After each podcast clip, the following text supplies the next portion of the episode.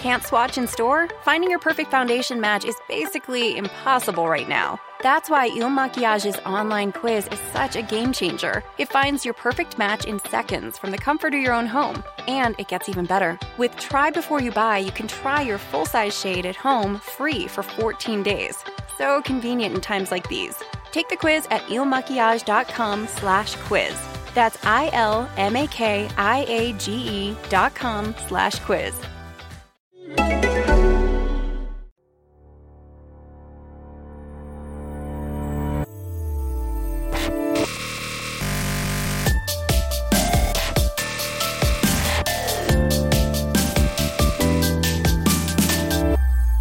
Hej och välkommen till det 24 avsnittet av Bloggbusiness. En podcast från Better bloggers, Sveriges yrkesnätverk för bloggare. Jag heter Linda Hörnfeldt och eh, jag bloggar till vardags på lalinda.se och jag är grundare av Better bloggers. Nu är det två veckor sedan vi hördes och eh, detta berodde på att jag var bortrest förra veckan och eh, han helt enkelt därför inte fått till en liten poddis.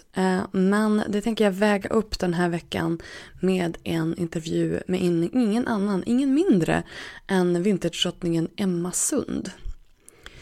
Emma och jag träffades hemma i hennes kök eh, och det känns verkligen som att stiga in i hennes lilla vintage sagovärld.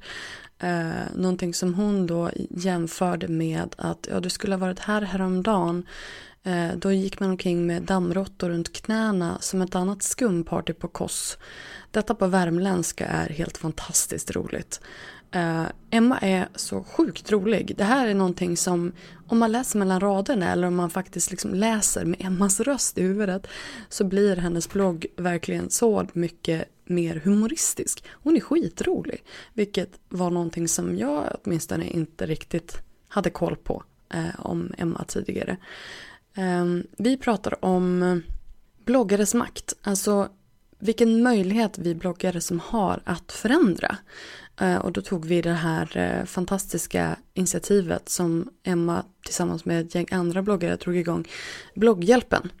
Och eh, hur någonting kan ta sån fart väldigt snabbt med tanke på den spridning man har och de otroligt hängivna bloggläsarna man har. Vi pratar också om vad det är för skillnad och vad det finns för likheter mellan journalister och bloggare när det gäller etik. Och eh, det här trixiga med att sätta både etiska och ekonomiska riktlinjer i en ny bransch. I slutet av den här podden så spårar jag och Emma ur lite grann. Det är många skratt och lite förvirring. Men jag valde ändå att ha kvar eh, det i podden för att det är himla roligt och jag hoppas att ni också eh, drar lite på smilbanden när ni hör hur, hur flippade vi blir där en liten sväng i slutet. Eh, jag hoppas att ni tycker om intervjun och eh, lämna gärna en kommentar på Instagram och tagga bloggbusiness eh, med eh, vad ni gör när ni, tittar, när ni lyssnar på podden. Och ja, det, jag tycker det är så himla härligt att eh, se vilka ni är. Så lämna gärna, liksom, säg hej någonstans. Vi finns ju på både Facebook och Instagram och på Twitter. Hashtagga bloggbusiness eller betterbloggers. Här kommer min intervju med Emma Sund.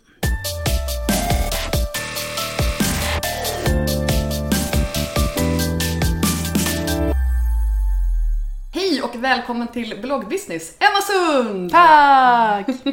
Vi sitter hemma i ditt kök idag. Japp. Eh, och eh, jag har fått klämt lite på Markens kinder Mm. innan hon drog iväg med mannen din. Eh, och alltså, jag känner mig som att jag lever i din blogg. Hur känns det? Det känns utmärkt, jag vill flytta in, kan jag göra det? Ja, bra. Jag kan bo i vitrinskåpet liksom. Ja, absolut. Det kan vara med på varenda bloggbild. Ja men exakt. Jag är som den här fotobomben. Ja. Nej, men det är så roligt också, jag hade inte förväntat mig att det skulle vara i köket. Jag vet inte vad jag har tänkt liksom. Nej, alltså det är många som... inte riktigt- Vitrinskåpet står och den här vita dörren är ju då i Det, köket. ja, precis. Och det är liksom skafferidörren. Mhm. Många bara, du står framför kylskåpet. Jag bara, vad har Ja, folk för ky- kylskåp? Ja, exakt. Nej, men jag tänkte typ att det var någon slags garderob eller någonting sånt där. Ja, nej, det är köket. Ja, nej men, ja, nej men det, ni har det så himla fint här. Det är liksom väldigt många koffertar. Mm. Eh, det, är, det är biografstolar och är det en doktorsväska jag ser? Ja. ja. Men det, det, är väldigt, det känns verkligen som att man har klivit in i Emmas Vintage. Men jag måste bara poängtera att jag har städat. Ja, För att hade du varit här igår, då hade det varit fara för din hälsa. jag fick ett mejl av Emma igår kväll där hon, där hon skrev eh, Bara så du vet det så är det stökigt. Eh, och jag bara, ja ja men så länge det finns ett köksbord så är det lugnt liksom. Ja, och sen fick jag feeling och klockan så fick du 11 feeling igår. klockan 11. Då du inte ställde och möblerade om utan du städade istället. Eh, Exakt. Ja men utmärkt. Du, eh, jag tänker vi drar igång det här lite grann med att du får presentera dig själv. Oh! Eh, jag heter Emma Sund, eh, är 32 år gammal. Tänkte lite för länge på det. ja. Vad är 33? Nej, 32. Eh, bor i Midsommarkransen med min man och eh, mitt barn Majken. Eh, driver bloggen emmasvintage.se. Vad gör jag mer? Eh, har släppt två böcker och vad har jag gjort?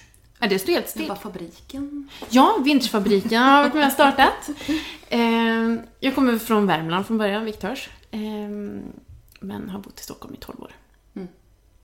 Och hur, nu, hur, hur, var, varför, när, alla de där, startade du bloggen? Jag startade bloggen 2005. När jag började... Tio år. Tio år, ja. Yay. Men det var en ganska hemlig blogg. Eh, eller inte hemlig, men det var inte så att jag var här är jag och min blogg. Utan jag startade den för att jag ville behålla mitt personliga språk när jag började jobba på tidning.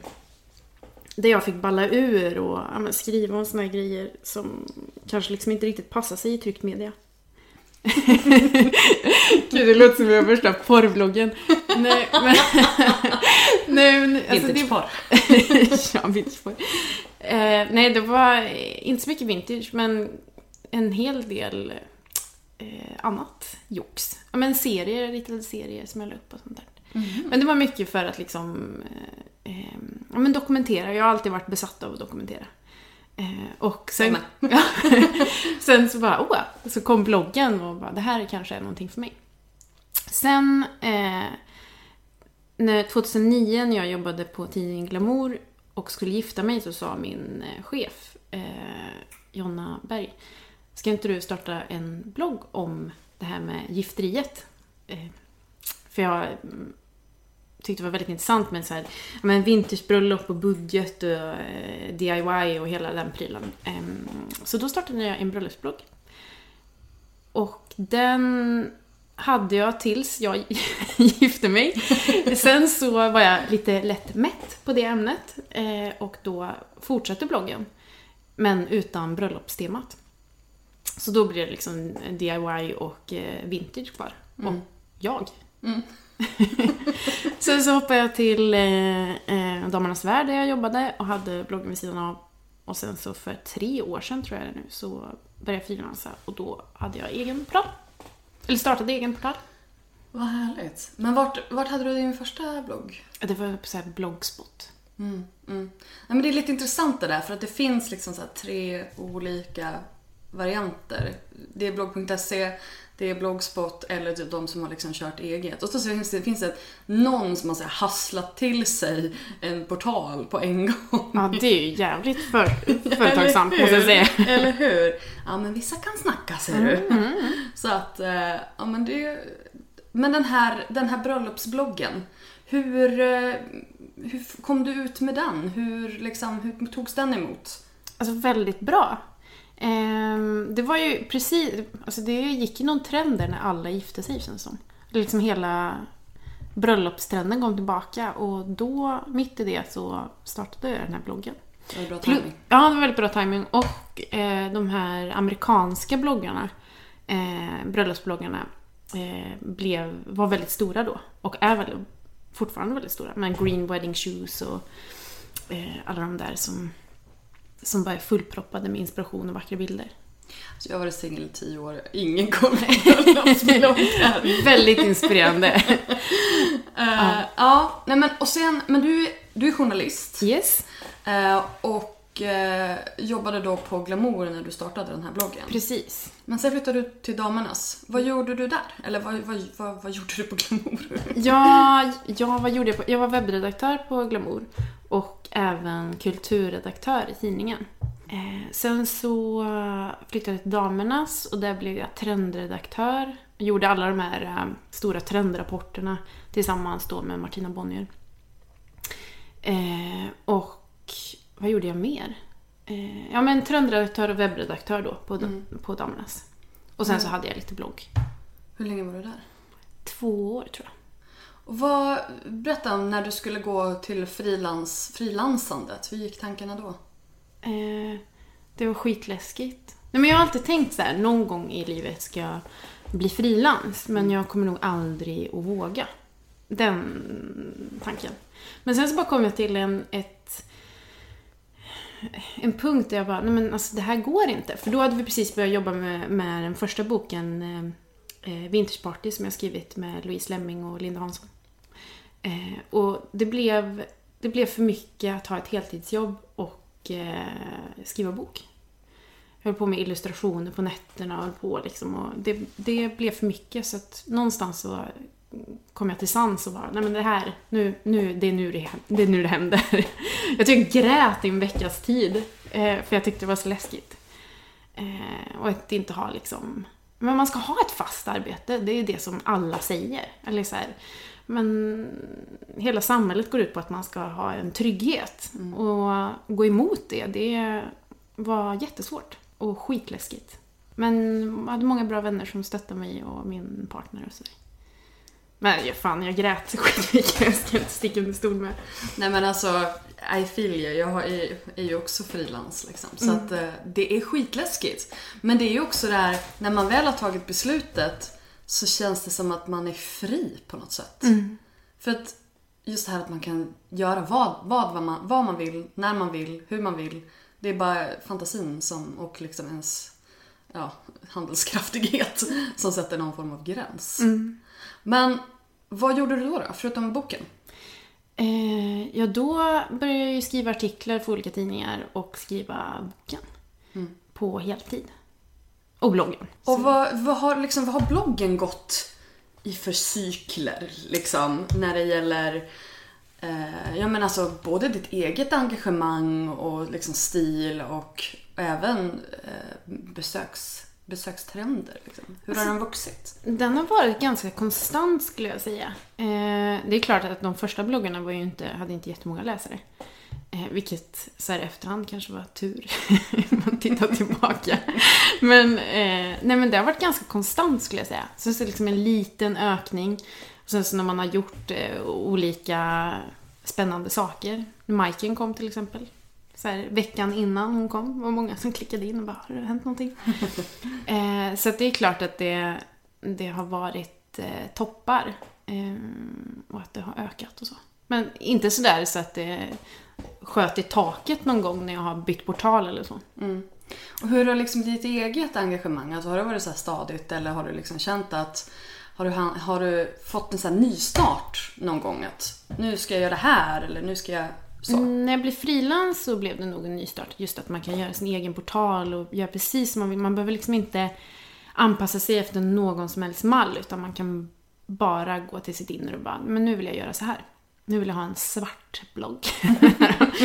eh, nej, så det var ju liksom den, den stora den stora milstolpen skulle jag säga. Men sen så är det ju klart som vilket annat jobb som helst. Det, det går ju upp och ner. Mm. Vad skulle du säga är fördelarna och nackdelarna gentemot att ligga på portal och vara egen? Eh, fördelarna är att vara egen, att du kan göra lite som du vill. Eh, du får större del av kakan när det handlar om annons och samarbeten. Mm. Å andra sidan så behöver du ju dra in dem själv. Eh, så det är mer arbete. Och det är ju, alltså att ligga på en portal är ju jättebra för då har du alltid någon att gå till eller bolla med. Så här, är det här okej okay, etiskt? Eller, alltså det är ju jättesvårt. Till exempel, ja, men som, du har ju startat den här, det här företaget på grund av att det är så snårigt. Så att därför är det jättebra att ligga på portal. Eh, för att man kan få rådgivning och teknisk support och sådär. Men mm. också mindre del av kakan. Mm. Men å andra sidan så kanske du får fler annonser och samarbeten. Så att det, är, alltså, det är hugget som stucket skulle jag säga. Ja, för det där, det där är ju någonting som mina medlemmar är väldigt så här, ja men vad, är, vad ska man göra? Ska man söka till en, till en portal och sådär? För jag kan tänka mig också att är man ganska, inte liksom liten men ganska ny i gamet men har väldigt mycket bra content och sådär. Sen beror ju det på vad portalen tittar på också. Men att man kanske kan få en skjuts trafikmässigt och få nya läsare. Det tror jag Från en absolut. portal. Absolut. Ehm, men du, alltså när du startade din bröllopsblogg, det var, då, då var det inte så här någon övergång från en tidigare blogg utan den var liksom ny och fräsch. Ja, precis. Det var fresh start. Ja, men då är ju du typ en av dem som började på portal på en gång. Ungefär. Ja, ja precis. Ja, men jag hade testat, eh, stapplat mig fram där på min lilla bloggspot-blogg. Mm. Men det var inte så här, nu flyttar jag hit. Nej. Nej. Nu tar jag min eh, absurda blogg och eh, flyttar in på den här eh, internationella magazine. Nej, that could work. Mm. Men nu, nu, hur fungerar det liksom med annonser och samarbeten och sånt där? Säljer du sånt själv nu? Ja, jag har Tailsweep eh, som eh, har de rullande annonserna och även ger förslag på samarbeten. Mm. Jag tycker de är jättebra att jobba med måste jag säga. Himla trevliga. Sånt bra. uppskattar jag. Ja. eh, nej men det är ju rullande. Om jag inte säljer någon annons själv så rullar ju det på. Mm. Eh, och det betyder Det är att displayannonsering? Ja, Ja. precis. Och då blir det liksom inte så stor stress för mig att jag måste dra in annonser om jag då vill tjäna pengar på bloggen. Mm. Hur, stor av din, hur stor andel av din inkomst skulle du säga kommer från bloggen nu? Åh herregud. Alltså procentuellt ungefär. Eh, jag vet faktiskt inte. Nu, jag är så fruktansvärt dålig på matte. Det framkommer ju nu i, i den här podden. Fan också. Nej, men eh, hur många procent? Okej, ska vi ta Ja, en liten men- kurs hur man räknar procent? Ja, precis. Nej, men kanske mm, 30-40 procent. Mm. Men det är ju fortfarande bra. Du skulle säkert kunna tjäna mer om du la all din tid på det. Liksom. Men sen är det också en fråga så här, hur mycket sponsrat innehåll vill man ha? Hur, hur, hur tänker du där? Eh, för det första, så, mm, gällande sponsrat eh, innehåll så måste du ju ha en koppling till min blogg. Alltså, jag, kan ju inte liksom göra reklam för kattmat, för jag är ju ingen katt liksom. Jag, jag är ingen katt säger jag, jag har ingen katt.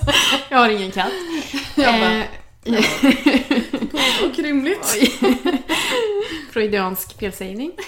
Eh, nej, men alltså det måste ha en naturlig koppling. Mm. Eh, såklart. Men sen så är det ingen som skulle vara intresserad av min blogg om det bara var sponsrade inlägg. Så att det handlar väl om att ta, en, ta det med en nypa salt. Att, ja, men kanske, nu har jag inte haft ett, ett, ett samarbete då på länge. Ja, men då kanske det är öppen för det. Alltså jag tänker också att det finns ju i, när man pratar om sociala medier och mm, content marketing och liksom relationsbyggande marknadsföring helt enkelt. Så finns det ju någon sån här magisk formel som är 80% värde för läsaren och 20% reklam. Och jag tänker att man kan använda den i det här fallet också. Det låter väl rimligt. Att fyra av fem inlägg är icke-sponsrade. Eller vad man ska säga. Sen beror ju det också helt på vad man har för typ av blogg. Men jag- det känner ändå att det kan vara någon form av riktlinje. Men Sådär. det är också så här, man skulle kunna tjäna skitmycket pengar på bloggen. Alltså om man bara liksom hoppade på allt och eh, körde eh, samarbeten. Men som sagt, då tror jag att en, ens trovärdighet... Man blir liksom inte så långvarig skulle jag säga. Nej, Jag är ganska, eller Läsa väldigt siffrorna. kräsen när det gäller bra. samarbeten. Det ska man ju vara. Mm. För som du säger så är det ju... Börjar läsa-siffrorna dala på grund av att trovärdigheten dalar så då har du snart ingen blogg kvar. Man kommer ju inte igen liksom. Nej. Skulle jag säga. Nej, just den trovärdigheten och ens varumärke, det är ju någonting som... mm, Bränner man det så bränner man ju det. För det är ju ens person. Typ. Det är Mm. Ja, svårt exakt. att bara starta ett nytt företag. Fy Som en ny person. det blir lite svettigt nu. Ja. Vad ska jag göra om jag ger bort mig? Flytta ut på landet och byta namn? Ja, jag tror inte det är någon fara att du kommer göra det. Nej, jag tror du inte är heller ganska medveten. Det kommer ju nu en massa nya aktörer för folk har ju nu insett att influencer marketing, det är framtiden. Speciellt nu eh, när Google, nej, när iPhone i sin nästa uppdatering kommer att aktivera adblockers eller att man kan aktivera det och sådär. Så att banner- bannerannonseringen kommer ju bli lite mer så här. Det kommer bli en mindre faktor. Och bara nu senaste månaderna så har det kommit nya aktörer inom influencer marketing. Så att det är fler som vill åt den här kakan. Och då är det väldigt lätt när det kommer aktörer som så erbjuder, ja men du får 300 spänn om du gör det här inlägget. Ja men det är väldigt lätt att man som liten bloggare då kanske hoppar på det. Och jag försöker säga nej, nej, nej, nej, nej, för att då kommer du att sabba det här förtroendet innan du ens liksom har vuxit till en vettig läsarskara. Mm. Och så här, det, det, var någon som sa det också så här, kostar en ett inlägg, om du tar betalt typ mindre än tusen spänn, då har du i stort sett bara sålt en länk. Då är det ingen som bryr sig om innehållet överhuvudtaget. Det är inte det de är ute efter, de är ute efter en länk. Och den utvecklingen är lite läskig tycker jag. Men förhoppningsvis så, med tanke på att det kommer bli mer attraktivt att finna sig i det redaktionella flödet så kommer priserna att öka. Ja, Let's hope. Ja, jag hoppas verkligen det. Men det är ju liksom, också jag menar, som utbildande sajter som, som eh, Better bloggers som faktiskt kan höja upp informationen om att så här, men ditt varumärke är värt någonting. Mm.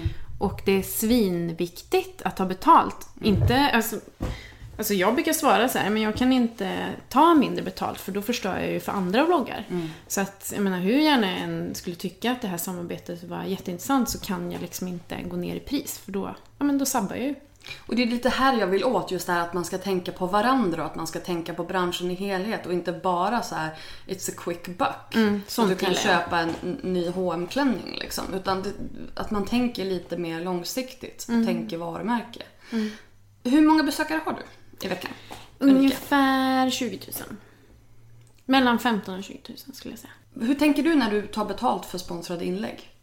Nej men jag, jag brukar kolla på vad jag gjort för tidigare eh, samarbeten och se liksom vad som är rimligt. Men jag brukar lägga mig på en väldigt hög siffra. Mm. Men som sagt, det är, liksom, det är helt eh, upp till vad det är för samarbete och om det är intressant för mina läsare. Mm. Eh, hur intressant är det för mina läsare? Mm. Jag tänker bara att det här är också en fråga man får väldigt ofta. Så här, men om jag ska göra ett, ett sponsrat inlägg, hur ska jag tänka? Hur ska jag ta betalt? Mm. Och då brukar jag försöka tänka så här, ja, men om du tänker först så här rent konsultarvode, hur lång tid det tar att producera någonting. Mm. Och så sen så tittar du på spridning. Ja, exakt. Att du har någon form av, så här, jag brukar sätta, ja men ta CPM, alltså hur många unika besökare har du på en vecka? För jag tänker att det är ungefär så långt ett sponsrat inlägg lever. Mm. Um, och så sen tar du en ganska hög CPM på det. Mm. Typ 600-800 minst. Mm. Så det är liksom den här formen som jag har kommit fram till när jag försöker så här. För det, det är jättesvårt och man måste väga in varumärke och relevans. Jag menar, har du en väldigt nischad liten blogg så kan ju det vara värt lika mycket som en stor bred blogg. Mm. Det är lite som man jämför typ ja, men Aftonbladet som har målgrupp alla och liksom ja, men Damernas Värld som har eh, vad är det, kvinnor 25 eh, till 50, jag har ingen aning, mm. mm ungefär. Eh, modeintresserade. Så att ju, mer, ju smalare blogg man har desto mer kan man ta betalt för ja. en relevant kund. Och hur hög kvalitet. Mm. Jag menar, tar du jättefina bilder, all text är liksom välproducerad. Då är det ju klart att, att det måste vägas in också. Det är, alltså, jag förutsätter att man har, att man har tänkt på det först. Mm. För att det är också en sån liten grej att man ser att folk fokuserar väldigt mycket på samarbeten innan de har tittat på ja, men, jag kanske måste bygga trafik, jag kanske måste liksom bygga en grund som är värd att göra samarbeten på. För att annars börjar man lite i fel ände. Man kan inte bygga hus på en strand liksom. Nej. Gud, hur... ja, men, kom inte, jag sjöng den sången när jag gick i typ så här kyrkans barntimmar. Vänta nu. Bygg inte hus på är det här en sång? Strand. Du har ju också liksom... Du har ju en väldigt engagerad läsarskara. Ja. Är det är det, vad ser du där? Har de hängt med dig hela tiden eller kommer det mycket nya? Eller vilka ja, är dina läsare? Det är väldigt blandat. Jag fick någon kommentar i, igår eh, som sa att hon hade läst mig sen jag hade den här obskyra bloggen. Jag bara, vad vet du om mig egentligen? Nej men det känns ju otroligt härligt att någon har följt med än så länge. I tio år. Mm. Eh, ja, då blir man ödmjuk. Eh, Ja, nej det är, det är liksom högt och lågt. Det är sådana som kom igår och eh, sådana som har hängt med i tio år. Alltså för att just det här att de är så engagerade också. Ja. Alltså jag, har, jag vet att jag har sagt det själv, att komma in på din blogg det är lite grann som att man så här. Alltså jag vet inte, man kliver in i någon slags Alice i Underlandet grej. Gud vad roligt. och så läser man de texterna och man blir lite så här, man blir lite glad inombords. Det är väldigt, väldigt peppigt. Och väldigt så här. Alltså jag tycker inte om att använda ordet sagolikt, men det blir ju lite så, även om det inte är så här sagolikt som i att allting är bra och allting är alltid underbart. Men det blir ju, man väljer ju ut de delar man visar upp. Ja, gud ja. Alltså det är ju... Du, som sagt, du skulle ha varit här igår. Eh, när man vadade i eh, damm som ett annat skumparty på kost. Nej men alltså det, det är liksom... Man väljer ut sina delar och det som man vill framhäva. Men jag menar, alla har sin skit. Det är ju så. Eh, det är ju inte så att jag är en eh, mer polerad människa än någon annan. Däremot så, så väljer jag att visa en del av mitt liv. Jag tror inte att folk skulle bli så himla, eller vara så intresserade av att se ner liksom i toalettstolen eller i sopkorgen. Nej, det låter inte så jättepeppigt. Nej, eller så, jag tror inte att det är så intressant. Däremot så, jag menar, jag, jag eh, berättar ju om när det är tungt och när, det är, när jag gråter och när livet är piss också. Men också att det får vara en passage. Och det är så, så jag ser livet.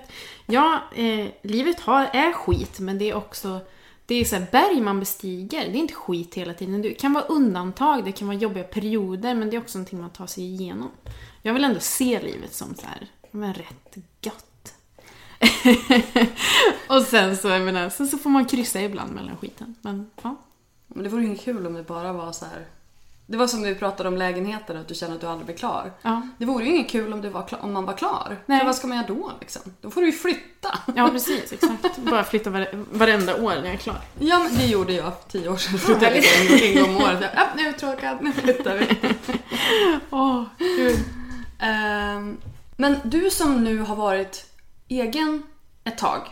Alltså hur ser du på bloggosfären? Vad, vad får du samhörighet ifrån och hur, hur, hur tar du hjälp av branschen? Eller hur ser du på branschen? Eh, ja, alltså jag ser branschen som också väldigt göttig. Alltså, nej men alltså det är ju en väldigt härlig, engagerad bransch. Alltså det är ju inte någon som liksom ligger och latar sig på sofflocket direkt. Även om det kanske skulle behövas då och då. Men det är, mm, skickliga människor, ambitiösa människor som liksom drar igång och samarbetar och Eh, men det märker man bara så här, jag slängde ut en fråga eh, för en dryg vecka sedan om vi skulle starta igång blogghjälpen och stödja eh, Eh, människor på flykt för att jag hade ja, men, blivit så ledsen av vad jag hörde och såg. Jag tyckte att världen verkade så, världen verkade så mörk och jag bara, nej men det här måste vi göra någonting åt. Slängde ut en fråga bland andra bloggare, kan vi göra någonting tillsammans? Och alla bara slöt upp och bara, det är klart vi ska göra det. Och det är ju eh, enormt härligt. Jag menar istället för att någon bara, nej, eh, jag tycker inte att det här är en bra idé. Eller liksom så här, komma med motargument eller liksom varför man inte ska göra. Utan det var ju bara uppslutning. Mm. Och då blir det ju, det är sån miljö man vill, vill jobba i. När ens idéer kommer så här, men, eh, ja, men vi kan göra det här eller det här. Bara, ja men gud vad härligt. Ja men vi kanske kan eh, vrida till det och göra så här. Och det var ju så här, det är inte jag som har dragit igång blogghjälpen utan det var, vi gjorde det tillsammans. Och någon kom med en idé, vi kanske ska göra en insamling och vi kan göra det här och det här. Någon, eh, Flora ritade en logga och eh, det var ett enormt samarbete. Och det är ju det jag gillar, jag älskar samarbeten. Men jag, alltså jag Med bloggare, det. ska jag säga. Ja. Jag älskar det initiativet också. Det, jag tycker det var så himla härligt. Och det går så fort. Ja, Det är så här, för att det är så kreativa människor. Så från idé till handling så är det typ två timmar. ja. Så är det bara pang, pang, pang, pang, pang och så bara ja, klart. Det är ju ingen byråkrati, det är ju liksom Eller hur? chop chop. Ja. ja, men det är så härligt. Det är liksom inget steg till toppen. kan jag säga. Det, är- det, är- det är toppstyrt. Fast. Ja, nej, men det är underbart. Och så kan man göra. Jag menar, jag har varit med i flera sådana här engagerade eh, initiativ. Till exempel mot rasism och eh, för miljö och att man liksom går samman. Mm. Och är lite medmänniska. Det gillar jag. Ja, du verkar som att du brinner väldigt mycket för liksom, sådana medmänskliga socialistiska? Jag vet inte om jag kan använda det ordet eller om det ens är rätt. kan vi kanske göra. Frågor. Nej men just det här att man, att man eh, bryr sig om och använder den makten och den eh, outreachen man har och gör bra saker. Men jag tänker så här. Vi sitter på en boll i någonting som är oändligt. Bara som, kallas, som är jorden. Ja, okej. Eh, och vi är liksom fast på den här bollen. Och då kan man väl ändå ta det och vara lite härliga tillsammans. När man ändå sitter i båten liksom. Alltså det, det låter så enkelt. Jag önskar att alla tänkte som du. Ja, men jag tycker också så här, det är också den världen jag vill ha runt mig. Alltså, eh, eller de människorna jag vill ha runt mig. Att man hjälper varandra och att man är... Man, man tar rygg på varandra. Det är, sån värld vill jag ha. Man peppar varandra och hjälper varandra. Det är viktigt för mig. Och, Och du- ser varandra också. Jag tror att det är den här småstadsmänniskan i mig. Där hon på lanthandeln frågar hur det är. Mm. Ja, länge sedan jag såg dig Emma. Alltså jag är också från en liten stad, men jag kan känna att det nästan blir tvärtom där. Alltså visst, man har, man har en närhet till dem man har, men man vill kanske inte alltid slänga, släppa in nya. Ah, du tänker så. Mm. För det är oftast i, de, i småstäderna som det blir lite så här. ja nej, man är ganska um, Man har sitt gäng eller? Ja, Ja, nej, det där har jag inte riktigt känt tror jag. nej. Tror jag. Men sen så, jag menar, det kan, jag menar, jag och mina kompisar kanske verkar jätteinterna. Utifrån. Alltså om man träffar oss och att det inte alls är så öppet. Ja, det Fast jag gärna vill ha stora famnen liksom.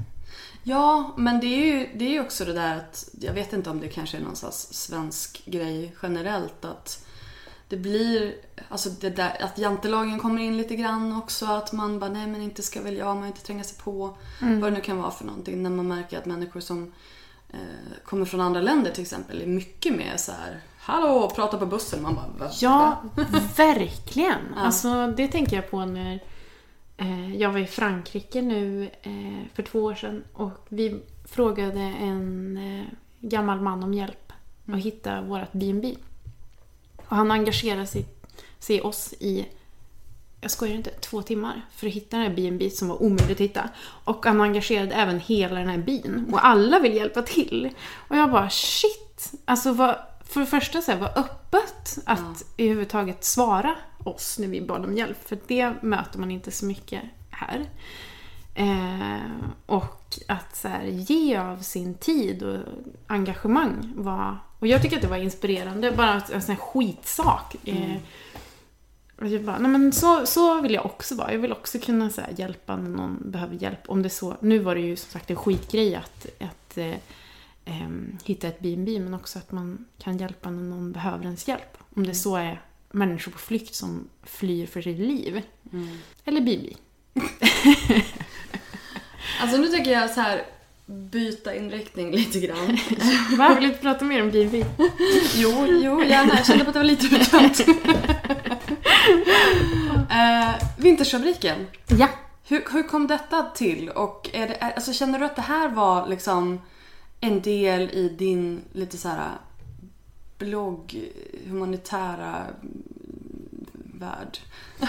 Men jag tror så, nej men så här var det. Vi, Jag har inte sovit i natt, jag hör det nu. Jag bara nej, nej. eh, ja men vi hade ju skrivit boken eh, Vintage Party. Jag och eh, Louise och Linda. Och så efter det så kändes det så himla tråkigt. Jaha, nu är det, nu är det klart. Vad ska vi göra nu? Eh, och ville hitta ett samband där vi kunde fortsätta jobba. Så då kom vi på att vi skulle starta ett kreativt kollektiv. Och liksom kopplade på liksom det ena saken efter den. Vi kan ha butik, vi kan ha kurser, vi kan ha event, vi kan ha möjpor. Och det var också den här, så här du vet, två timmars prylen bara. Men vi gör det bara. Mm. Chop chop, så var det gjort liksom. Älskar det. Nu eh, kanske inte gick chop chop, vi har jobbat jättemycket. Men... Men just idén att sätta ramarna ja, men jag tror kommer så mycket kreativitet. Ja, men jag tror också den var den här, du vet, jag hade blivit frilans bara, men kan man, kan man göra det här? Men allting är tydligen möjligt, man kan göra vad man vill. Ja. Och det var ju sjukt, så att, då gjorde vi det. och startat ett frilanskontor. Och... Kan vem som helst komma och sätta sig där? Eh, nej, man får ansöka. Mm. Om, Men vem som helst kan ansöka? Ja, ja. Absolut.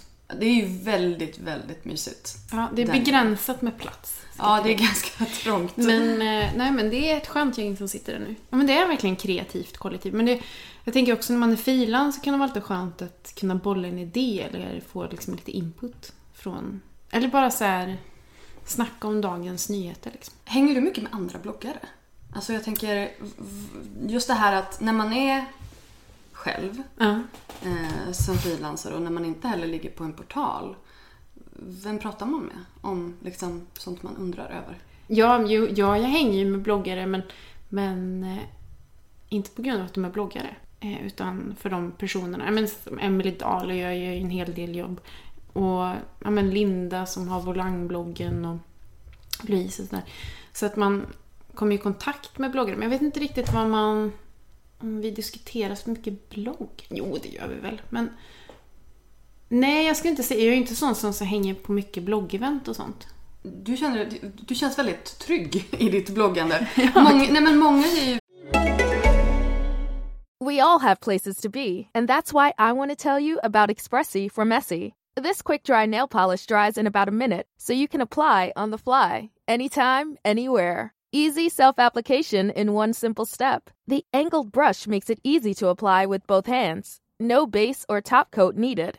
Even better, Expressi has a vegan, eight free formula. There are 40 unique shades to choose from. Mix and match whatever the moment, whatever the mood. Learn more at Essie.com. Can't swatch in store? Finding your perfect foundation match is basically impossible right now. That's why Il Maquiage's online quiz is such a game changer. It finds your perfect match in seconds from the comfort of your own home. And it gets even better. With Try Before You Buy, you can try your full size shade at home free for 14 days. So convenient in times like these. Take the quiz at ilmakiage.com slash quiz. That's I-L-M-A-K-I-A-G-E dot com slash quiz. Väldigt så här, ja men hur ska jag tänka här och hur ska jag göra här och sådär. Hur, hur har du liksom kommit på, hur har du kommit fram till allt det här? Eller är det din journalistbakgrund att du liksom har någon form av så känsla för vad saker och ting kostar? Och, och sådär. För att jag tänker att bara sätta sina egna ramar och ha koll på branschen, det är kanske lite svårt när man är själv. Ja, men jag tänker, alltså det är ju absolut, hela, hela journalistprylen har ju hjälpt mig jättemycket. Att jag har jobbat på flera tidningar och sånt där. Men jag har ju ändå jobbat i tio år. Eh, så att det vore konstigt om jag inte hade lärt mig något på det. Eller Förhoppningsvis gjorde det. Nej men det har ju varit otrolig hjälp. Också att jag har jobbat på Bonnier med mycket bloggfrågor och med sajter och fått jobba med superproffsiga människor som, som är jättenördiga på, på blogg. Mm. Så att jag har ju lärt mig jättemycket. När du var på Glamour, hade ni bloggar där då? Ja, det hade vi. Som webbredaktör där då hade man ju förmodligen ganska mycket kontakt med dem. Mm, ja men absolut. Vad var, det, vad var det för frågor som kom upp då? Det här var ju ett tag sedan visserligen men... Ja, gud. Det var ju superlänge sedan. Nej men det var... Vad kom det för frågor då? Nej men då hade ju inte det här samarbeten och sånt kommit. Eh, alltså det var ju... Mest teknik typ. Ja, mest Ja. teknik skulle jag säga. Vad man ville göra, man ville visa klipp på sin blogg. Nej men du vet, alltså det var så himla basic. Um, Vem gör din men teknik? Sökmotoroptimering och sådana grejer.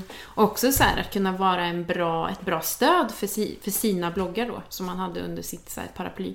Och kunna så här, men, eh, tipsa om hur man kom högt upp på Google eller vad, också skriva så här, topplistor mest eh, lästa bloggare eh, och inlägg och liksom peppa dem att, att eh, öka sin trafik. Så det var ju mitt jobb som webbredaktör, att, att peppa och, och att få de bloggarna, eller hjälpa de bloggarna att växa. Som jag hoppas att jag kunde hjälpa dem med. Men din teknik idag, gör, Mm. du, alltså gör du allting själv eller har du någon som... Jag gör en del själv, sen brukar jag ringa till min syrra. kan du hjälpa mig? Nej, och det är faktiskt ren lathet, skulle jag säga. Förlåt syrran, men, men det, är ju också, det är ju också det som är häftigt med bloggen idag. Att man har lärt sig så sjukt mycket. Alltså det tänker jag så här, när jag tagit in, när jag jobbade på tidning och tog in praktikanter så tog jag ofta folk som hade en blogg. Eh, För att de kunde bli out, de kunde bildhantering, de kunde teknik, alltså så jäkla mycket rubriksättning, man skrev text, sökmotoroptimering, alltså det var som ett så här CV att ha ett blogg, såklart. Ehm, och det, ja, man lär ju sig extremt mycket. Det Och där så- tycker jag är intressant. Nej, fortsätt. Nej men sen så, jag menar, min egen blogg så handlar det mest om att jag skulle kunna sätta mig in i det. Men sen så har jag en superproffsig syrra som kan göra det åt mig. Förlåt, jag nedvärderar henne nu. Det gör jag inte. Nej, det gör inte. Hon kan ju jättemycket. Det är Hon jätte... kan sjukt mycket. Eh, så att då lämpar jag över lite själv. Ja, men så att du får lite mer tid att ta fantastiska bilder och pussa på barn. Ja men exakt. Precis. Men det där tycker jag är skitintressant, det du sa nu om eh, just det här att man som bloggare automatiskt har ett ganska fullt CV. För jag tittar på eh, content marketing som är liksom en jättestor grej nu. Att alla vill att, att man ska skapa innehåll för företag. Och jag ser ju så här, även fast man, om man har en blogg, eh, oavsett hur stor den är, så skulle man ju också kunna, jag tänker så här, hur man kan liksom utveckla sin business som bloggare. Och jag menar, du har ju du har böckerna och du har fabriken och du har bloggen och du har frilansgrejerna och sådär. Så att du har ju full plate. Men jag tänker att om man har liksom ett, till, till exempel ett företag som man vill jobba tillsammans med så kan man ju också hjälpa till att skapa innehåll för deras sajt. Absolut. Inte bara liksom för sin egen blogg och så liksom sälja in spridningen och så där. Utan många vill ju säkert ha ja, men bilder, inspirationsvideos eller vad det nu kan vara för någonting. Eh, som då är självklart helt beroende på vilken sorts blogg du har. Men jag tänker att det också borde kunna vara en grej som man kan göra. För att många företag är, skriker ju efter just content och de ska ha skribenter, de ska ha fotografer och vissa har ju tillsatt en hel redaktion liksom bara för att skapa innehåll. Många, liksom, jag vet Sportamore till exempel har en sån e-handel som har ett, en, en liten redaktion som gör deras magasin och sådär. Och jag menar, vi bloggar om något kan ju det där. Vi är ju de nya reklamfotograferna. Ja! Ja. Nej men det, alltså det är... Man kan så mycket som bloggare och, och tänker ja, men viralt, att man tänker ja, men spridning, man liksom har så mycket i sitt, sin lilla portfölj Mm. som man kan ta fram. Som är ovärderligt och som man har lärt sig under så många år. Så det, är ju, ja, men det ser man ju mycket också, att det är många företag som anlitar eh, bloggare för styling och, och sådär. Där finns det ju pengar att tjäna. Precis. Om man ska prata bloggbusiness. Ja, jag känner så här, man behöver inte bara fastna på sina siffror. Nej, och man behöver inte fastna på sin egen blogg heller. Nej. Att man kan göra kampanjeplåtningar för, eller man behöver inte ens plåta själv, men att man stylar något för något företag om man tycker det är kul. Och det kan ju vara allt från liksom kläder, inredning, mat. Ja, och Vad det, nu, oavsett vad man har för form av blogg. det som är skönt är att då behöver det inte vara kopplat till bloggen. Utan då kan du ju göra det som ett vanligt kneg. Liksom. Mm. Utan att tänka om det är något intresse för, för läsarna eller sådär. Precis. Men att man också kan göra liksom både och. Mm. Ja, Jag vet inte, det där, det där tycker jag är just det här att man försöker ta det ett steg till. Men sen vill jag fråga dig också ehm, om den här um, Miss Lisibell uh, fällning, uh, smygreklamgrejen. Du ser helt så här. Vadå, nu får du... Jag har legat under en sten under det senaste halvåret.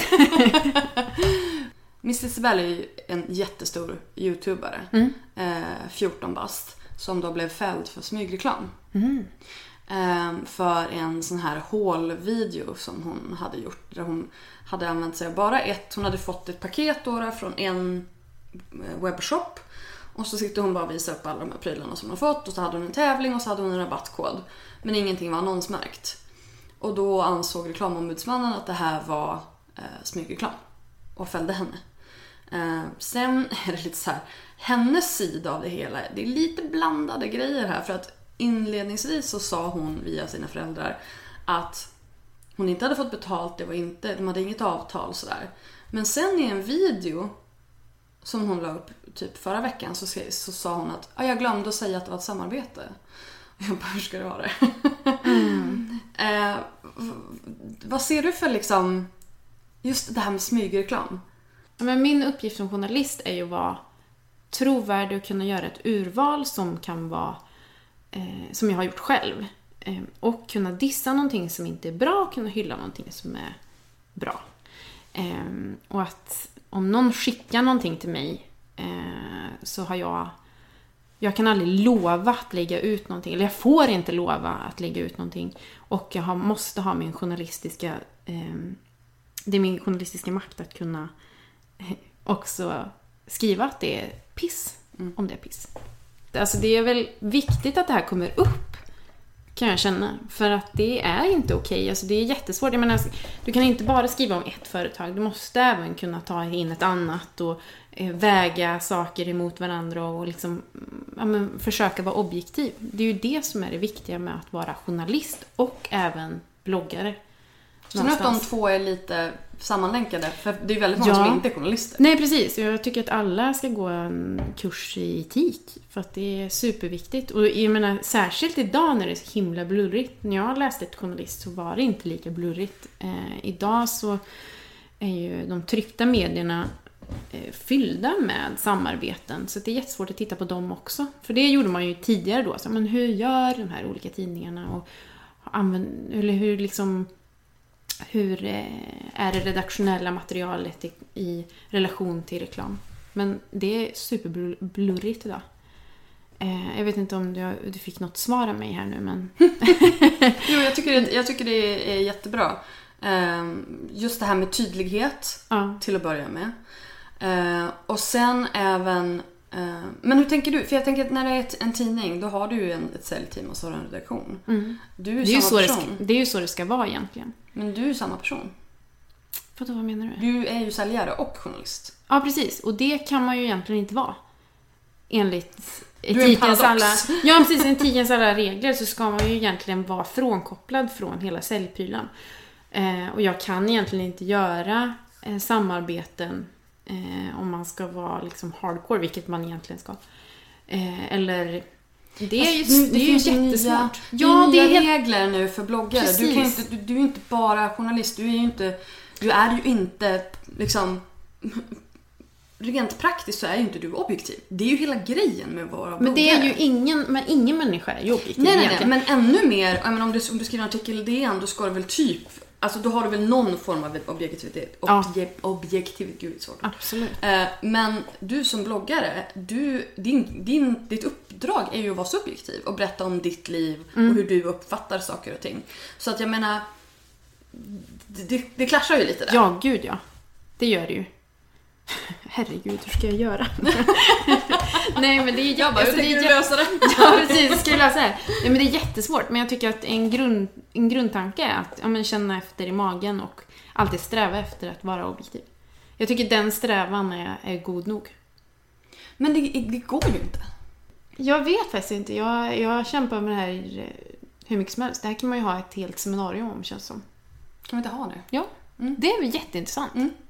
Och så ska man bjuda in en sån här hardcore-journalist som inte är bloggare och Mm. prata om etik, eh, hur det var back in the days. För det är ju intressant. Jag har funderat väldigt länge på det här med bloggetik. Jag är ju inte journalist. Mm. Eh, men jag har ju skrivit eh, frilansartiklar för olika tidningar och sådär. Det är ju mest i krönikeform visserligen men, men det är ändå så här. Det är ju ändå någon form av journalistisk text. Eh, men jag tänker att när man då kommer in som bloggare och inte ska vara objektiv. Vilket, för jag menar, bloggar du om en klänning du har köpt, då är det klart att du subjektivt tycker om den. Det är inte som att du så här, jag gick in här och objektivt så tycker jag att den här klänningen var fin, därför köpte jag den. Utan hela poängen med att vara bloggare är ju då att tipsa om saker du tycker är fint, vara liksom någon form av inspiration och sådär. Och det gör, det gör man ju genom att vara subjektiv. Ehm, så jag tänker att pressetiken och bloggetiken går ju ifrån varandra en del. Och jag tror att pressetiken är ett jättebra utgångsmaterial. eh, Men att man måste tweaka den lite grann. För att jag tror att också om man pratar liksom pressetik och är stenhård så kommer många bloggare att bli väldigt ängsliga och bara men gud jag vet inte hur, vad får jag skriva, vad får jag inte skriva. Jag tror bara att man behöver vara så här jag, jag, jag säger så här, så länge du tänker på att du inte vill, du vill inte blåsa dina läsare, du vill vara trovärdig, du vill så här, att, att dina läsare ska ha ett förtroende för dig. Um, du vill, vill vara tydlig med vad du har fått betalt för, vad du har fått för någonting, vad du har köpt, etc. etc. Um, then it's all good liksom. Jag tror att när man börjar så här, ja men ska jag göra så här eller blir det här fel eller hur, så här. Så länge man tänker tydlighet så kommer man väldigt långt. Mm. Men det lät väl jättebra. Men också att man känner att man är en egen person, att man inte drivs av, ett, vad ett, ett företag mejlar en hela tiden och undrar om man ska skriva om den här produkten som de har skickat. Att man känner att nej, men jag är en egen person, jag börjar här och slutar här och ni är där borta. Mm. Ehm, och det är väldigt viktigt. Att man har ett val. Det är Eget tyck och tänk. Ja, och så just det här att jag menar, får du pressutskick då har du, du, du är aldrig tvungen att skriva om det. Och jag menar, bra... För jag förstår liksom just det här att vissa vill skriva om saker för att de vill hålla sig väl med PR-byråer och vad det är för någonting. Men om PR-byråerna håller dig emot det att du inte skriver någonting om det du har fått av dem, då är ju inte de speciellt bra på det de gör. Då ska de ju istället ta in feedback och liksom sådär.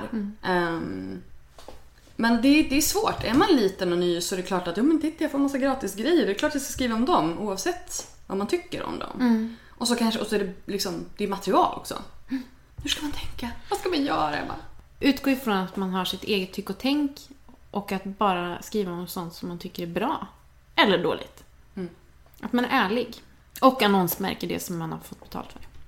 Det har vi lärt oss mycket, nu. mycket. Ja, precis. Det lärde vi oss om Miss Lisbell om inte annat. Ja. Men det kommer ju nu väldigt mycket så här talangföretag. Det, det, bara nu häromdagen så eh, kom det ju nyheten om att den norska United Bloggers slås ihop med Mix och bildar svenska United Influencers. Vad tänker du om, om sådana här företag som ploppar upp som blir lite mer så här talang... Perfect Media är ju också en... Perfect Day Media är ju också en, en typisk sån så här talangpool av influencers. Är det bra eller dålig utveckling? Alltså det är väl både och skulle jag säga. Alltså det är ju bra för dem att de får någon som de kan arbeta emot samtidigt som de kapitaliserar på personer. Så att, alltså jag vet faktiskt inte vad jag... Alltså det är väl, det är väl både och. Ja, för nu blir det ju också lite så här att... För jag vet att United Influencers nu hade signat Focki Mm. och Desi, tror jag. Och det här är ju lite så här, ja, de tar redan stora profiler och jag vet inte, gör dem större eller bara så här kapitaliserar på dem. Och det är väl bra för dem för att de får liksom sitt säljteam och du vet sådär. Om det här görs på ett bra sätt så är det jättebra. Om de liksom... Och här tycker jag också att det är så sjukt viktigt att de har sin egen integritet och vågar stå upp för vad de vill göra och hur mycket pengar de vill tjäna och sådär.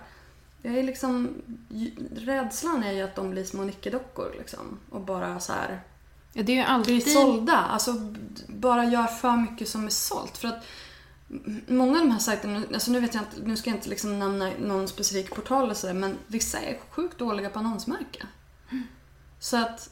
Men det är ju alltid svårt när man inte är sin, sin egen. Att vara i relation till någon. Särskilt om, jag menar, det är väl också eh, en bloggares största utmaning att, att känna att man inte behöver vara snäll mot alla. Eller snäll ska man ju alltid vara, men ni förstår vad jag menar. att så här, Du behöver inte tillfredsställa alla. Eh, utan du ska bara tillfredsställa dig själv och dina läsare. Mm. Snäll ska du alltid vara, jag ångrar mig. Men att det är, det är liksom den stora utmaningen. Just för att du har så mycket, du är din egen PR-agent, du är din egen säljare, du är skribent. Det är så många roller som du måste liksom ta i beaktande hela tiden. Jag brukar säga det, man får ett jättestort visitkort för man ska ha alla titlar. Exakt. Alla saker som man gör liksom. Är det okej om jag mejlar över ett dokument till dig med mitt visitkort på? Ja, precis. Det kommer en pdf på sju sidor. Nej men för att det är ju så, man gör ju så himla mycket olika grejer. Som du sa, alltså jag tycker att ordet bloggare har ju länge blivit lite så här, ja ja, du skriver en liten sån där dagbok på nätet. Men bloggare om något är ju en multitalang och en entreprenör. Mm. Oh ja. Och bara om vi kan så här twista om det där och att bloggarna får komma fram och prata. För det är liksom det känns som att det, är- när, det, när det gäller att ska göra samarbeten, det är pressreleaser och det, är- det är liksom någon annan som står där bakom och håller i det. Mm. Jag vet inte, jag är lite Nej. skeptisk. Det är, väl, alltså, det är ju trickiga frågor alltså. Men samtidigt, det är skitsvårt. Och vi är inne i någon form av paradigmskifte. Jag tycker om det ordet.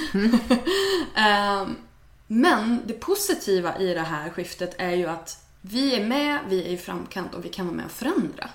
Och bloggarnas status är ju enormt mycket högre än vad den var för några år sedan. Ja. Vilket gör att Nicky-dockorna kanske blir de här sälj...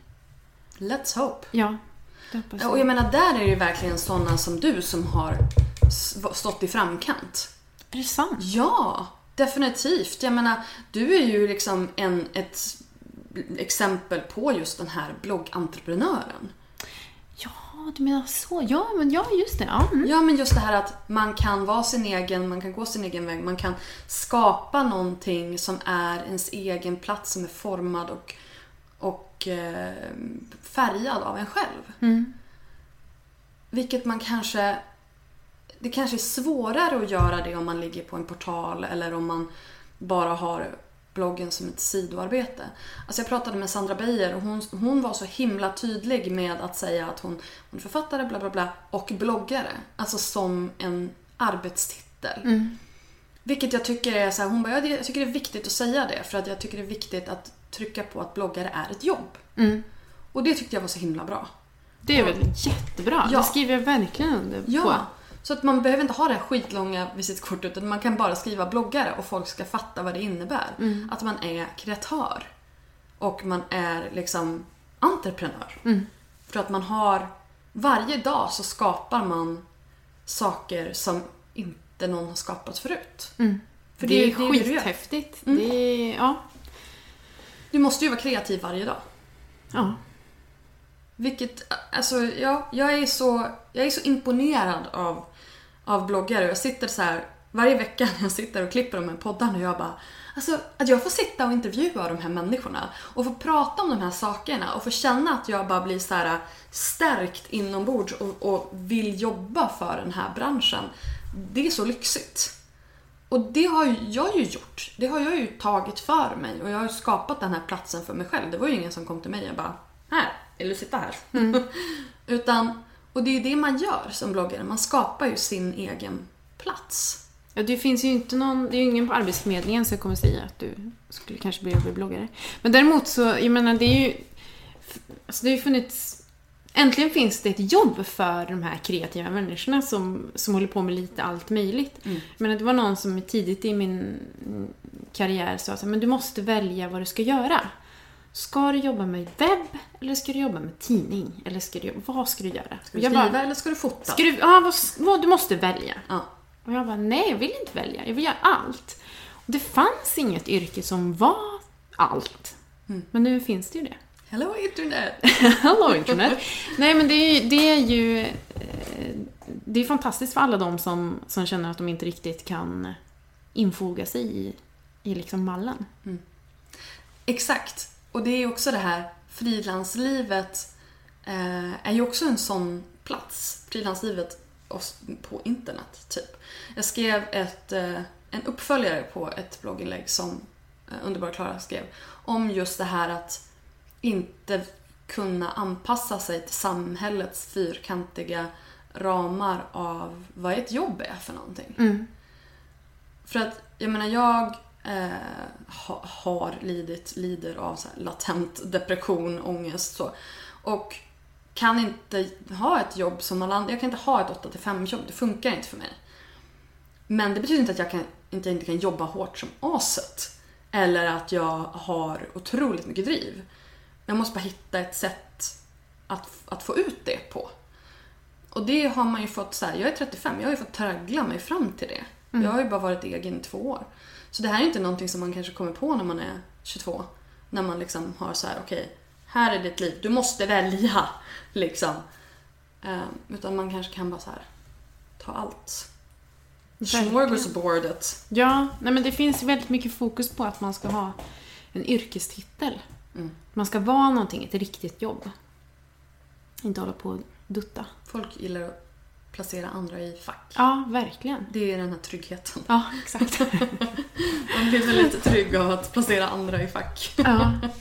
Och det är väldigt härligt att vara utanför facken också. Eller hur? Att få göra liksom lite allt möjligt. Också väldigt bra för, eh, som jag då, är nattmänniska, som städar klockan 11. Nej men jag får ju feeling klockan 11. Allting efter klockan 11 är ju roligt. Eh, och egentligen så kanske inte ett heltidsjobb 8 till 5 passar så bra för mig. Mm. Nu har det ju passat mig innan jag blev frilans också men eh, det är ju också någonting att så här, men man behöver inte vara en viss typ av människa. Man kan, man kan skapa sin... Man kan vara lite unik. Och det är bara bra. För att alla mår bra av att liksom... Alltså lite självförverkligande. Mm. Oh ja. Vill man röra sig inom sina, de här fyra väggarna av samhället och känner man att trygghet är någonting som är viktigt för en, liksom go nuts, gör det. Men vill du inte det, utan du triggas av att kanske ha, inte veta vad som, vad som händer imorgon, um, då kan du göra det också. Du måste kanske bara vara lite mer så här, redo att ta för dig. Vad är det svåraste med att vara bloggare? Att man aldrig är ledig, kanske. Eller att man alltid är ledig. Det beror på hur man ser det. Nej, alltså jag skulle nog säga att det är svårt att eh, ja, men avgränsa sig. Eh, särskilt när man har mycket idéer och vill förverkliga mycket saker så kan ju eh, jobbdagarna bli väldigt långa. Men jag har träffat min överman och det är mitt barn. helt plötsligt Ditt kan man inte... Ja, precis. Nej, helt plötsligt kan man inte jobba så mycket som man gjorde förut. Mm. Och det tror jag är bra, eller det vet jag är superbra för mig. Ja, för att det här har jag pratat med en, en del personer om. Alltså det här med blogger burnout. Mm. Just det här att man vill göra så himla mycket och man jobbar jämt. För att man tänker mer eller mindre alltid i blogginlägg. Mm. Men hur, hur gör man för att liksom ta ett steg tillbaka och bara nej, nu ska jag öva paus. Alltså, det, är ju, det är ju min stora utmaning just nu. Att så här, nej men nu ska jag försöka att ta det lugnt.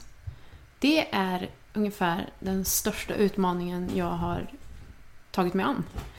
Att liksom, ja, nu, nu får jag så avgränsa, nu måste jag sluta jobba, nu är mitt barn här, nu måste jag liksom finnas här. Eh, vilket är, ja men det, det är, det har varit supernyttigt för mig. Vad är det roligaste då? Eh, att man alltid är ledig. Nej, jag skojar. Nej, men att man kan... Åh, gud. Nej, det är väl att förverkliga alla de här grejerna. Också att koppla på att man eh, här, kan få en idé och sen så går man igång på den så sjukt mycket och sen så förverkligar man det. Alltså jag är ju en sån här som bara, åh herregud, jag har en idé nu. Eh, nu måste jag göra den, att, att jag liksom går igång på det så hårt. Då ska min hjärna implodera. Liksom. Ja, men precis. Nej, men ja, det, det är roligt att få göra olika saker. Vad, skulle, vad skulle du vilja... Alltså om du fick ge tre tips Mm. till eh, de som vill eh, ha ditt liv. Köp jättemånga koffertar. Ja, precis. Köpt jättemånga koffertar. Nej men de, om man vill jobba som bloggare. Mm. Om man vill jobba som bloggare. Tre tips. Från- jag tror att det är väldigt viktigt att... Det, det är ju självklart att man ska se det som ett jobb, men det måste ju finnas någon form av liksom grund i att man kanske gillar att dokumentera, eller skriva eller fota. Ehm, att, det, att det måste finnas ett driv innan man bara, jag ska starta en blogg och tjäna pengar på den. ehm, Pengarna är aldrig ett bra, nej, en pengar bra är, början. nej, verkligen. Pengar är väldigt tråkigt i största allmänhet. Så då kan du göra mycket annat. Om det är pengar du vill tjäna, då kan du göra någonting annat än att blogga. Knark. Blogga. Förlåt. Eh, Bloggandet är ett jättejobbigt sätt att, om man bara vill tjäna pengar. Ja, men jag känner också det. Nej, men du måste tycka att det är kul att dokumentera. Eh, det är tips nummer ett. Det är även tips nummer två och nummer tre. Nej. Nej, men samarbeta. Allting blir så mycket roligare med andra bloggare. Man kan få mycket input och sådär.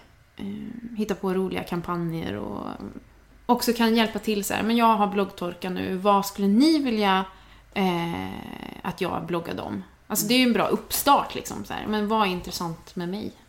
Kanske vad jobbigt om det blir total tystnad. Eh, Tystnaden som uppstod. ja, precis. Ja, nej, den tredje, vad skulle det vara? Vad har du gjort liksom? Vad, vad är din hemlighet? Hur har du kommit till 20 000 läsare i veckan liksom? How did you do it? Jo, nu vet jag. Eh, uppdatera kontinuerligt. Alltså regel nummer ett egentligen. Nej, du måste ha roligt också. Men, men, men det är väl också en sån här, men hur jobbigt den känns så uppdaterar jag bloggen. Nu har jag, nu har jag gett mig lite dispens för att jag har fått ett barn. Att, men det är okej att blogga Det varannan dag. rimlig anledning. Eh, men annars så, ja, blogga kontinuerligt. Ifall du vill att bloggen ska vara lönsam, ska jag säga. Man behöver ju inte ha en blogg för att vara lönsam. Nu är det ju i och för sig den här bloggbusiness. Uh-oh. Nej, men, nej, men det är också så här att man, man ska göra det för att man tycker det är kul, alltså än en gång. Mm. Okej, ska vi sammanfatta? Ha roligt. alltså, Hur går det idag egentligen? Alltså jag fick gröt i huvudet. Vad var den andra punkten? Alltså typ andningshjärna eller någonting. Du kan skylla Ja, jag ammar ju inte ens. Nej, kan inte skylla på vet mat. jag inte. Hormon... Hormon- Tillskott. Hur, gammal är Majken? Eh, sex månader. Ja, nej då vet jag inte om du kan skylla Nej, på jag det. kan inte skylla på något. Nej, ha roligt. Men vad var den andra punkten? Kan du klippa in det här i efterhand? Ja, vi får se. När du bara kommer med sån här in, röst bara. Nej, jag kommer inte ihåg. Men herregud. Nej, skit. Vi, vi struntar i sammanfattningen. Eller ska vi kanske... Helt sjukt. Vad har du hänt i det?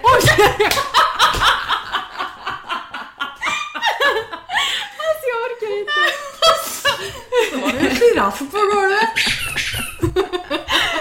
Oj, förlåt. Nu stampar jag på den och ska ha den i munnen. Så. Du, det är mycket som har varit Jag tror, att det, jag tror att det är mjölken. Ja, jag tror också det. Herregud. Ja. Nej, men jag måste komma på vad den andra punkten var. Alltså ska jag kan stänga av. Nej, jag skiter i det. Vi går till nästa fråga. Jag tror att vi får börja ge upp snart. Okej. Mm. Framtidsplaner. Framtidsplaner. Förutom ditt väl- vardagsrum. det- Ja, precis. Slash sovrum. Nej, men det är väl utmaningen att försöka begränsa mig.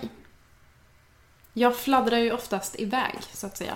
Och eh, kan tendera att ta på mig eh, lite för mycket. Så nu är utmaningen att begränsa mig. Men du känner att din blogg har en bra plats?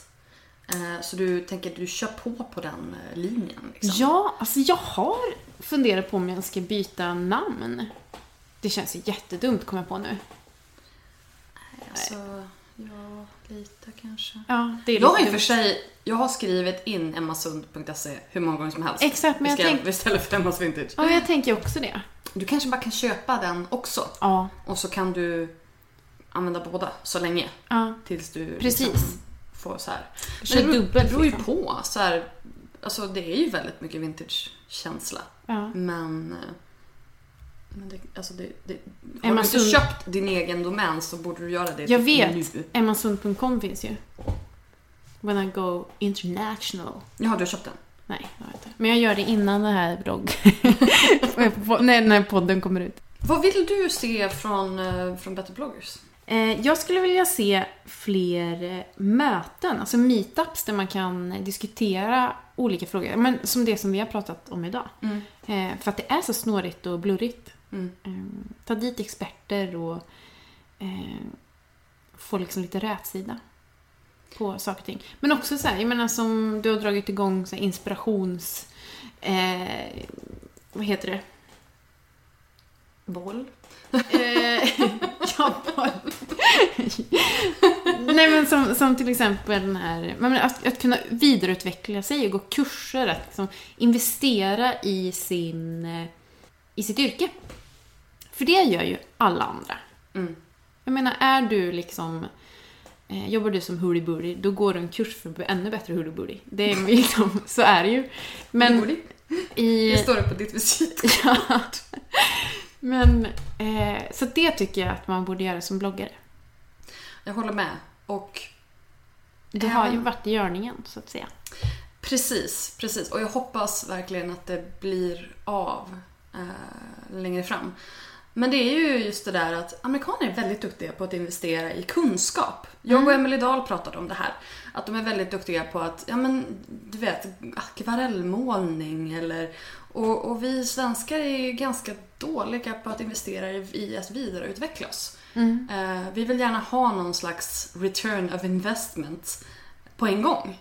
Ehm, men jag vill, ju, jag vill ju gärna uppmana folk att ja, men, våga, våga investera i att åtminstone bli en mer nyanserad människa om inte annat. Sen tror jag också att det är svårt att eh, erkänna för sig själv att man inte är så bra på vissa saker. Fast alltså jag kan gå på saker där jag i stort sett vet allting fast jag behöver bara få det alltså, repeterat för mig. Mm, det är bra. Men jag Alltså- tänker också så här, du vet, att folk, alltså, folk, det finns så höga krav på att man ska kunna allting. Mm. Och att så här, erkänna så här, nej men alltså jag är rätt, jag är rätt pissig på det här. Att erkänna det och ta en kurs och bli bättre. Ja, men då får folk faktiskt så här, ta sig i kragen. Mm. Och det är väl bättre att man inser att man är dålig och lär sig än att man bara fortsätter vara dålig. Eller? Ja. Gud vilken pepp! Vilket peppigt avslut det här blev. Men du, Emma, nu tror jag att vi får lägga ner det här för att nu börjar kaffet eh, ta över. Kicka in. Ja. Eh, eh, tack snälla för att du var med i bloggbusiness. Att Tack för att jag fick vara med. Varsågod. Du har precis hört ett avsnitt av Bloggbusiness, en podcast från Better bloggers. Podcasten hittar du såklart på iTunes och på bloggbusiness.se. Vi finns även på Facebook, på Twitter och på Instagram, at betterbloggers. Lämna gärna en kommentar med vad du tyckte om intervjun eller kanske lämna ett önskemål om en framtida gäst. Tack för att du har lyssnat. Ha det bra. Hej